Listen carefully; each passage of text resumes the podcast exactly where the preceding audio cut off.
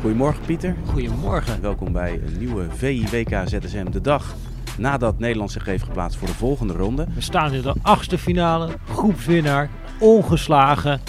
Pas uh, één doelpunt tegen. Ja, fantastische koers. We worden wereldkampioen. En zo kwam je ook, jij kwam ook opgewekt de redactie op. Tuurlijk. Nou is het wel zo dat je gelijk een bak koffie kreeg, dus dat, dat scheelt al. Nou, dat, dat, dat, helpt, uh, dat helpt een stuk inderdaad, maar... Uh, ja, dat is uh, geloof ik de manier waarop Louis van Gaal het vooral bekijkt. Heel erg vanuit, oké, ja, hij heeft het eigenlijk gezien als een soort van extra voorbereiding als je hem zo ja. hoort praten. Van, nou, ik wilde een bepaalde combinatie zien. Ik moest spelers optrainen qua wedstrijdfitheid. Ja. Uh, en we moesten zonder kleerscheuren erdoor komen.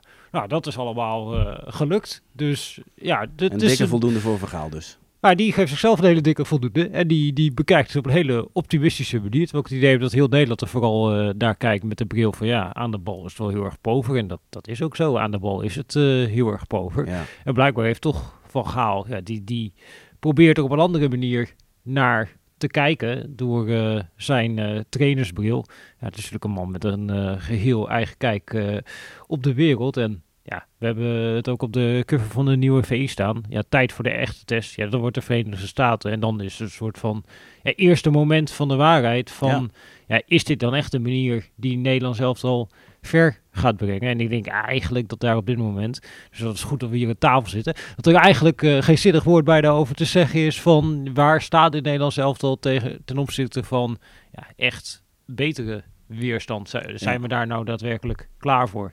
Nou goed, de volgende ronde, je kunt zeggen wat ze willen, dat is betere weerstand. Uh, Team USA. Wat we weten is dat ze in ieder geval 1-4-3 spelen, zoals vergaan. Want je moet de 1 moet je wel uh, noemen natuurlijk. Uh, maar laten we de wedstrijd er eens bij pakken tegen Iran. balbezit, kansverhouding. Inv- nou, dat, dat, dat, dat klopte gewoon. Dat was redelijk in evenwicht bij de ploegen. Als jij het mogen kiezen, Iran of Team USA? Oh ja, denk ik, oh ja, denk ik als Nederland zelf toch beter Iran kunnen treffen dan uh, de Verenigde Staten. Nou ja, A, gewoon uh, individuele kwaliteit, heel simpel. Dat die zat minder ja. uh, in die ploeg van Iran.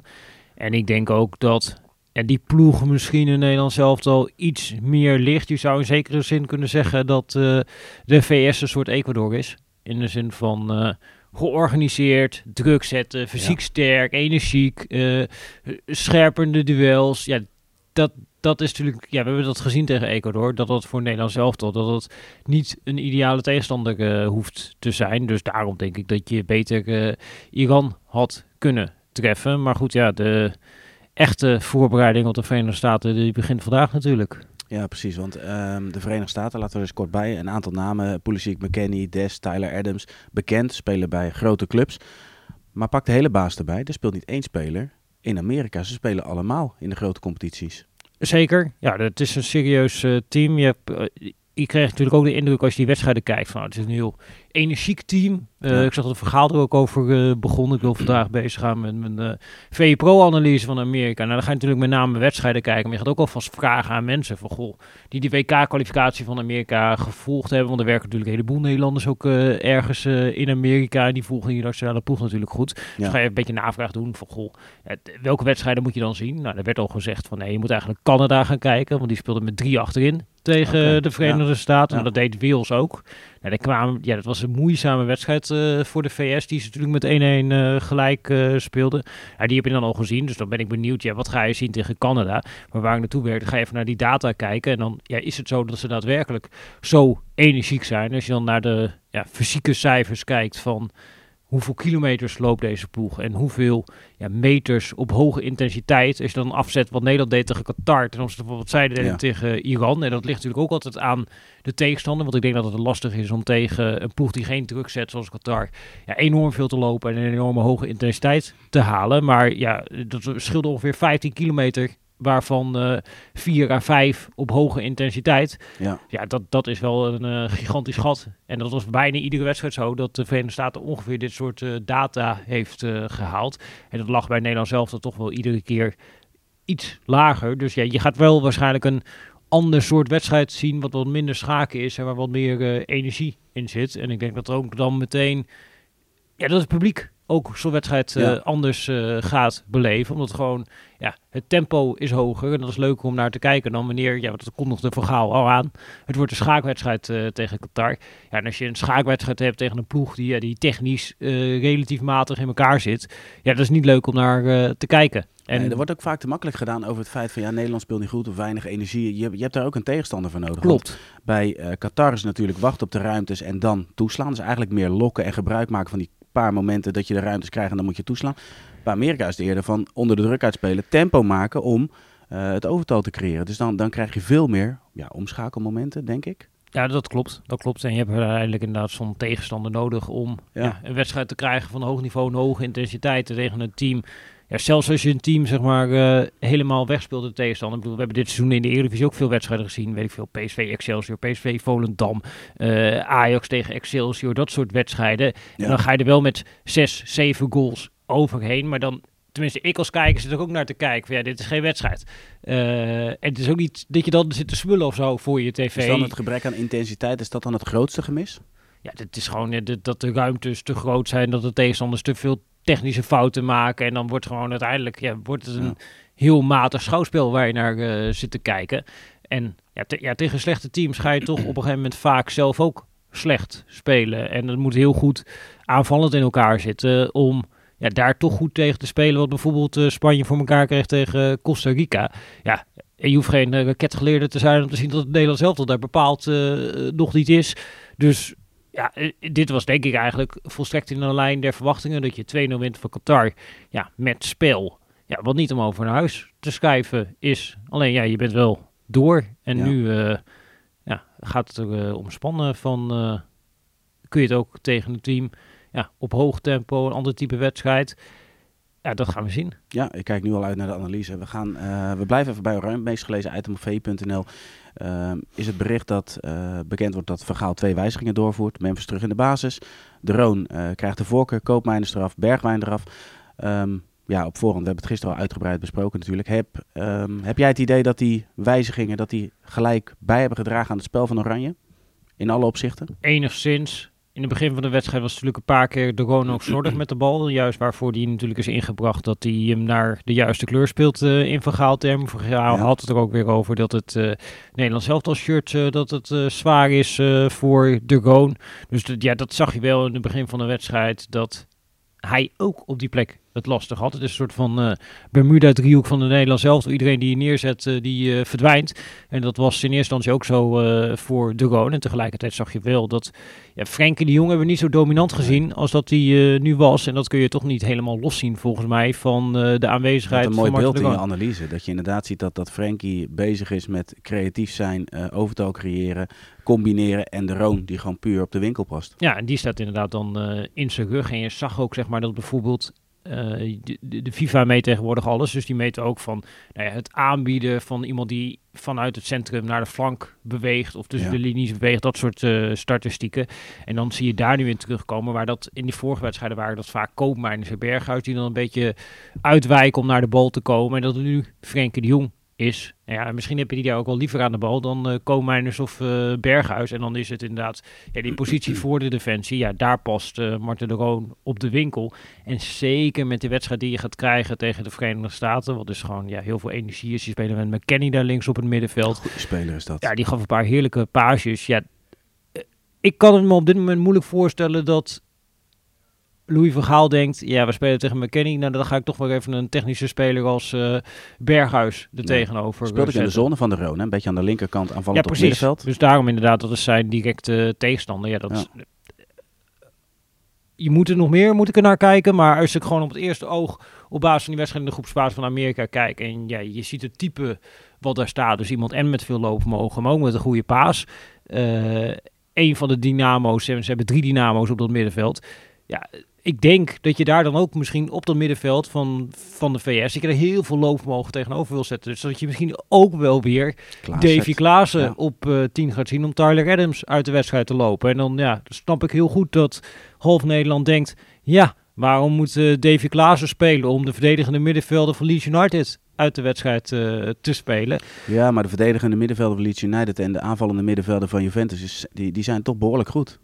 Ja, en die uh, rechtsmid die maakt natuurlijk ook heel veel uh, indruk uh, dit toernooi. Die Moussa, hele aparte ja. speler. Maar die, die van Valencia, hè? Ja, en die, ja, die gooit er wel echt lekker veel energie in. Het is ook wel een creatieve speler. Ja. Dus ja, er zit echt heel veel power op dat middenveld. En je zal denk ik toch een... Ja, je kunt daar kun je natuurlijk ook altijd weer op uh, twee manieren naar kijken. Je kunt zeggen van, oh ja, we doen het via de Nederlandse gedachte. We gaan wel even kijken van, nou, zij hebben misschien heel veel energie, maar wij gaan er technisch onderuit spelen. Alleen ja, de vraag is wel, hebben wij in deze selectie de spelers met de kwaliteiten om dat te doen? Frenkie de Jong, die kan dat natuurlijk. Ja, Berghuis. Nou, Berghuis in vorm kan het. Berghuis in vorm kan het, maar je ziet toch ook wel iedere keer Berghuis op het allerhoogste niveau, als hij echt onder druk staat, dat hij dan zich moeilijk heeft om zich uh, te onderscheiden daar uh, in die rol mm -hmm. op het uh, middenveld.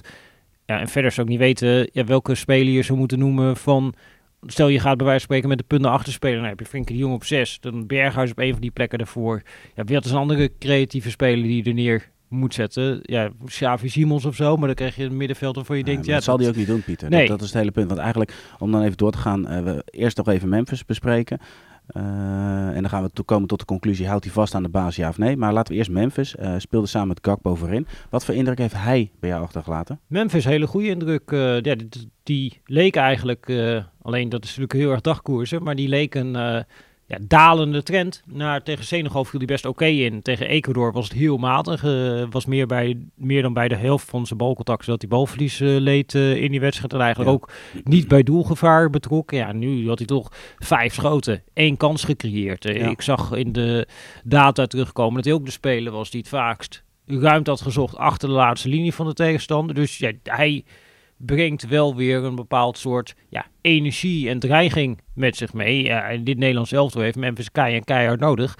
Want ja, je hebt gewoon een speler nodig die eigenlijk uit het niets iets kan creëren. Want ja, die, met uh, positiespel gaan we tegenstanders niet van de kastje naar de muur tikken. Dus je hebt er een soort van individuen voorin nodig. Die twee posities voorin, ja, die gewoon uit het niets iets kunnen creëren. Ja, dat is wat Memphis kan. En, en Gakpo ook natuurlijk. En wat uh, Gakpo inderdaad, die heeft ook al een paar keer laten zien dat hij vanuit de niets een doelpunt uh, kan maken. Ja, dat, dat is blijkbaar ja, de koers waar Vergaal op inzet. Van oké, ja, we zetten het uh, achterin dicht. We hebben Frenkie de Jong om die ballen naar de aanval te spelen. En ja, dan moeten die twee ja, vroeger werd er dat uh, op een gegeven moment noemde ten nacht dat cowboys. Misschien is dat ook een beetje bij Nederland zelf. Ja, dan moeten die twee cowboys, die moeten het maar uh, gaan uitzoeken met z'n tweeën. En dan is het, uh, ja, schiet maar raak en hopen dat er iets in vliegt. Ja, precies. En dus Van Gaal houdt vast aan zijn opstelling. Nou, dat, nee, dat kunnen we nog niet helemaal op die manier stellen. Want ja, Van Gaal gaat hetzelfde doen als ik nu ga doen. Je gaat de Verenigde Staten echt goed bekijken en echt goed analyseren. En dan ga je natuurlijk nog wel... Okay, aan Nu ga je analyseren, imagineren en dan ga je de data erbij pakken. Maar je hebt ook gewoon met te maken met gevoel, Pieter. Gaat hij vasthouden zijn baas, ja of nee? Nou, Wat zegt jouw gevoel? Nee, ja, mijn gevoel zegt dat Van Gaal heeft een hele duidelijke lijn over hoe hij zijn opstelling bepaalt. En dan kijkt hij naar wat heeft iemand geleverd in het Nederlandse elftal. Dan kijkt hij naar vorm en fitheid en dan kijkt hij naar de tegenstander. Nou, eh, op basis van die eerste twee factoren kan ik nu iets zeggen. Op basis van die derde factor door niet. Dus we spreken elkaar weer als ik de Verenigde Staten heb gezien. En dan kan ik echt in het hoofd van Vergaal kruipen. Van oh ja, gegeven dat die linker centrale verdediger misschien... Bij wijze van spreken blijkt, uh, als je die goed gaat analyseren... dat hij misschien heel kwetsbaar is door de lucht. Of dat hij misschien met uh, ruimte in de rug dat hij moeilijk verdedigt. Nou, dan ga je een beetje kijken welke types passen daar okay. uh, tegenover. Of bijvoorbeeld blijkt dat uh, Tyler Adams, als je hem echt nauwkeurig gaat analyseren, dat hij ja, heel erg balgeoriënteerd is. Dat er veel ruimte soms ontstaan in zijn rug. Nou, dan heb je misschien behoefte aan een nummer 10 die juist tussen de linies kan spelen. Nou, dat, dat zijn dingen die moeten uiteindelijk uh, uit de analyse blijken. En dat, dat weten we. Ja, laat dat je niet uit de tent lokken. Hè? Nee, we moeten wel, moeten wel in de doctrine blijven. Nee, maar dat is denk ik, dat is volgens mij ook precies ja, hoe het nu is. en ja, wat de lijn van Gaal mm -hmm. is. En dat, dat is soms uh, ja, lastig te volgen misschien. Dat je denkt van, oh, uh, wat, uh, ja, wat, wat, wat, wat voor beslissing maakt u nu weer? alleen het is wel, ja, als je er uiteindelijk terugredeneert naar, goh, wat doet deze specifieke tegenstander? Dan is het vaak wel te verklaren, de ja. keuzes die hij maakt. Het komt niet uh, uit de lucht vallen of dat hij uh, opstaat met een buikgevoel van nou, dan gaan we maar eens een keertje zo doen, dan gaan we dit maar eens uh, proberen. Ja, het is wel gebaseerd op een bepaald proces. Nou ja, en dat moeten we gaan zien uh, hoe ver dat uh, ons gaat brengen. Zonde. Ik denk, ik ga eens even kijken of Pieter zover kan krijgen dat hij opstelling nog heeft. We hebben een mooie kop boven dit verhaal. Uh, wij gaan afsluiten met het meest gelezen item van VPRO. Dat toevallig komt dat van jouw hand. Dat is de analyse. Dat alles begint bij Daily Blind. Nou, dat heb, heb je ook wel weer gelijk een interessant iets. Ehm, ja, bij Qatar was er natuurlijk veel ruimte aan die zijkant. Heb je dat gezien? Dat Daily Blind ook een trouw VPRO-lezer is? Ik heb niet gezien dat hij trouw VPRO... Ik wist wel van Dessers natuurlijk. Nee, hij werd, uh, Slot ook trouwens. Hij werd uh, geïnterviewd door de NOS. En toen werd hem gevraagd naar zijn prestaties. En toen ging hij in één keer ging die zo uh, oplepelen. Van, nou ja, als je naar mijn statistieken deze wedstrijd kijkt, dan ben ik uh, degene die het vaakst Memphis heeft aangespeeld. Dan ben ik degene die het vaakst Frenkie de Jong heeft aangespeeld. En ben ik degene die het vaakst iemand heeft gevonden in het uh, laatste gedeelte van dus het hij zit in de kleedkamer al op zijn telefoon even kijken hoe hij het gedaan heeft. Ja, nou, de kop zal hem ook wel bevallen. Nou, dit zijn drie statistieken waar je wel echt een beetje in moet grasduiden, zeg maar, in de data. Om die statistieken überhaupt naar boven. Ja, die vind je niet zo 1, 2, 3 eventjes... Uh... Nee, je moet wel inderdaad... Uh, en dat waren precies de drie statistieken die ik had uitgelicht. Maar ja, ik weet niet of je het echt heeft gelezen... of dat iemand gewoon uh, het heeft doorgestuurd zo'n tweetje... dat hij dacht van... hé, hey, dat is data die bij wel uitkomt. Dat is natuurlijk vaak zo met cijfers. Als mensen het uitkomt, vinden ze data fantastisch. Als het er niet uitkomt, dan zeggen statistieken niks. En dat is natuurlijk ook met dit stuk zo. Dat ja, de mensen die tegenstander zijn van Daily Blind in Nederland zelf... en ik geloof dat het ongeveer 80% van Nederland is... ja, die denken allemaal... ja, dat kan wel leuk zijn dat die... die data uh, haalt. Maar ja, ik zie de linksback uh, ja, die uh, traag is en die ook nog genoeg foute dingen doet met ja, de bal. We hebben vaak de discussie gehad, en dat ook, ook bij Ajax hebben we wel eens een video opgenomen. Ja, welke back moet je nu, nu kiezen? pak in dit geval en je, en je praat over specifieke situaties, toch? Vergaal imagineert. Mm Blind kwam vaak laag op het veld te staan. Dus daar heb je een paasnoot. Het is niet een, een, dat er nu ruimtes waren om er continu overheen te gaan. Dan heb je weer een ander type nodig. Dus in, in dat opzicht klopte het toch ook gewoon? En heb je dan ook de ideale speler toch tegen Qatar? En daarom heb ik inderdaad ook... Er staat niet voor niets in die kop tegen Qatar. Want dat heeft heel erg te maken met de manier waarop Qatar zijn 5-3-2 organiseert. En die organiseert zijn 5-3-2 zo dat het niet echt back tegen back is. Maar dat de backs van de Nederland zelf alle tijd en ruimte krijgen. Nou, op de rechterkant heb je daar niet zoveel aan met Denzel Dumfries. Maar voor Daily Blind is dat een fantastische wedstrijd. En dan gaat hij inderdaad Frenkie de Jong inspelen. Dan gaat hij Memphis Depay inspelen. En dan ziet hij weer aan de bal komen bij Nederland zelf. Ja, dan komt het wel goed bij ja. Oranje. Dan winnen we wel een wedstrijd. Hoeft het er niet fantastisch uit te zien. Maar dan ga je altijd wel die wedstrijd winnen. En dat deed hij in deze wedstrijd. Deed hij dat aspect ja, deed Daily Blind uh, ontzettend goed. Alleen dat zegt natuurlijk ook weer helemaal niks over wat hij gaat doen tegen de Verenigde Staten. die spelen met drie uh, aanvallende, nou ja, ja, dan staat die, jongens. Nou ja, die staat inderdaad tegenover die Timothy Weah. Die speelt daar uh, rechts buiten. Nou, die gooit er een energie in. Die heeft een loopactie, die heeft een snelheid. Aanvaller van Lille, hè? Ja, aanvaller uh, van Lille. En ik denk dat wat dat betreft dat Louis van Gaal natuurlijk in die wedstrijd, dan is hij blij dat hij dit systeem speelt. Want ik denk dat heel Nederland had slecht geslapen als jij 4-3 eh, had gespeeld met Daily Blind als linksback tegen Wea. En nu weet je, oké, ja, Blind kan in principe gewoon door richting uh, Serginho Dest op de juiste moment. En dan kan Ake, die kan Wea verdedigen.